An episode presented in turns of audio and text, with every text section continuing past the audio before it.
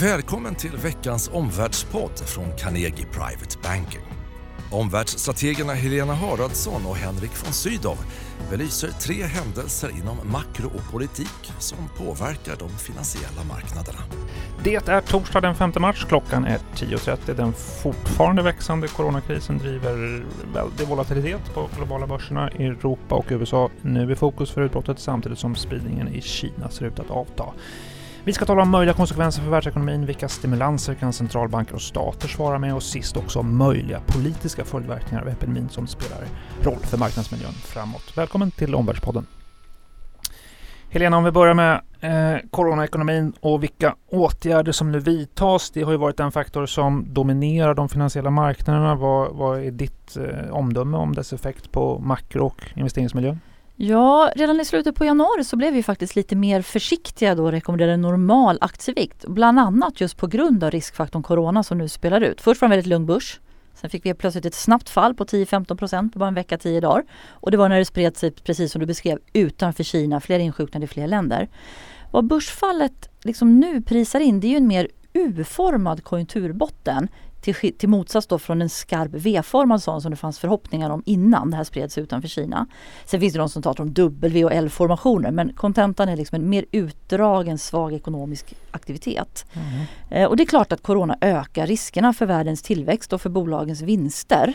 Eh, man nämner också ordet recession lite mer frekvent, framförallt när det gäller kanske Japan, Italien och Tyskland. Och fokus från finansiella marknader är ju på karantän, alltså ekonomier som stängs mm. Eh, och därmed då någon form av utbudschock, inte själva liksom dödligheten av viruset.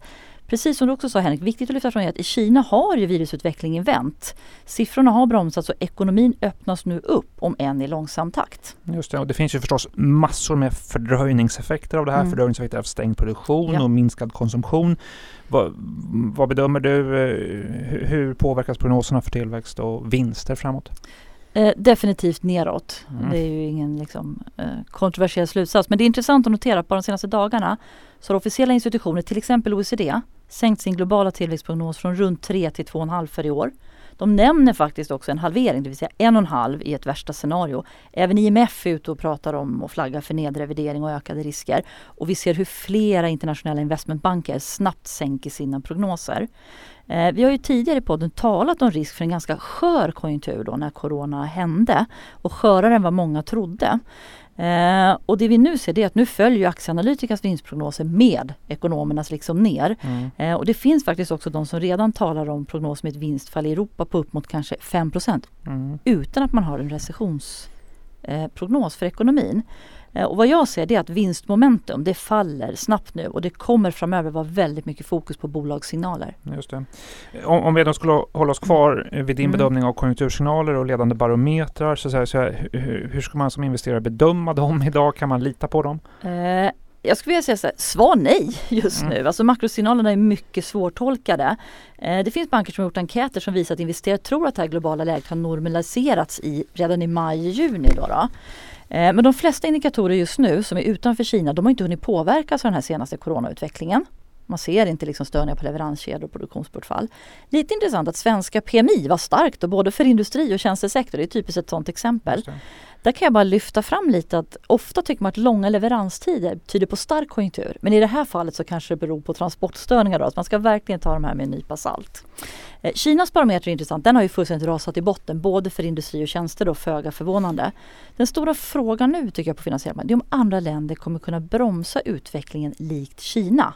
För där har ju trenderna liksom börjat bli bättre nu. Det är en låg aktivitetsnivå men börsen går bättre och stimulanser har gjorts. Just det. Du, du, du nämnde också att vi redan i slutet av januari då sänkte mm. vår eh, aktievikt och därmed vår aktierisk mm. i, i portföljerna.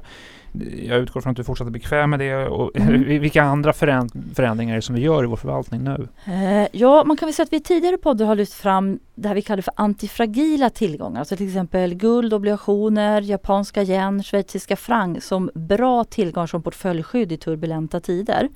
Men annars tycker jag man kan lyfta fram att vi i vår utländska eh, aktieförvaltning då har ökat i USA och minskat i Europa och Japan. USA är något av en säker hamn. Europa och Japan är lite mer konjunkturkänsliga och Japan kan också påverkas svagt av aktivitet i Kina och Asien. Då, då. Vad är din korta slutsats i detta? Ja, prognoserna sänks nu för tillväxt och bolagsvinster. Eh, antifragila tillgångar går starkt och vi har ökat något i USA. Om vi går vidare då och, och eh, tittar på vad centralbanker och stater kan göra. Helen, eh, vi, vi har ju redan sett en så att säga eh, överraskande stor en överraskande tidigt sänkning från Federal Reserve, en så kallad mellanmötessänkning. Hur, ja. hur tolkar du centralbankernas svar om ökade stimulanser? Eh, de har ju uppenbarligen oro. Mm. Vi trodde att det kunde komma en sänkning på mötet 18 mars och så kom den liksom redan nu då. Eh, det är intressant att se att marknaden tror att det kommer minst 50 punkter till i år. Mm. Och det är klart att det definitivt är en motvikt till vinstrisker då. då. Men initialt gav den här Fed-åtgärden lite rädsla. Alltså man fick känslan av att det var en liten smula panik. Vad vet de som inte vi vet? Hur mycket ammunition har de kvar? Och kanske den viktigaste, hjälper låga räntor om folk är liksom sjuka eller i karantän? Det här mm. är mycket av en utbudsminskning snarare än ett efterfrågebortfall. Mm, just det.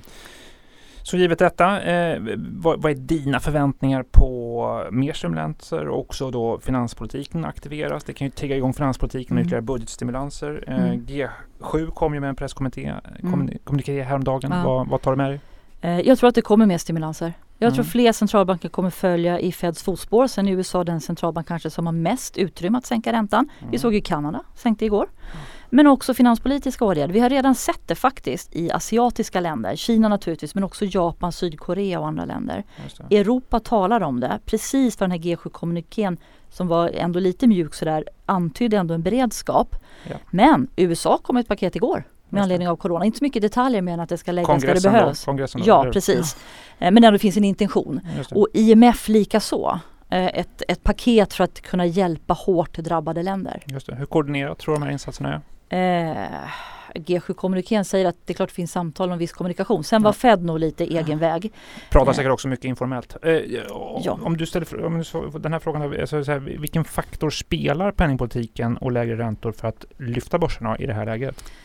Eh, ja, det spelar en roll. Vi har ju sett att så fort börsen faller så kommer centralbanker som är räddare i nöden. Det är vi lite vana vid sedan finanskrisen, man tar det globala perspektivet. Det är en väldigt speciell miljö som vi sällan har sett historiskt. Eh, men när man sänker så lyfts ofta riskaptiten, men nu är det en dragkamp mellan stimulanser och hur coronaspridningen och rädslan utvecklas. Men det jag tycker är lite intressant är att 19 insåg vi att det blir låga räntor länge. Mm. Nu 2020 så måste vi inse att det blir lägre räntor ännu, ännu längre. längre precis. Eh, sen är det så här, Corona kommer gå över. Frågan är liksom när. Men de låga räntorna kommer ju bestå. Mm. Och någon gång så ger det fördelaktiga. Men just nu så är vår bedömning att det är för tidigt att öka aktieexponering och köpa aktier brett. Corona kommer gå över men då har vi kanske också finanspolitiska stimulanser på plats. Absolut, det, det, kommer. Det blir intressant att följa. Vad, vad tycker du är den korta slutsatsen att ta med sig för eh, investerare? Ja, då får man väl säga lämpligt med en normal aktievikt då vi ser eh, risker till vinsterna. Men börsen har fallit och stimulansen ökar.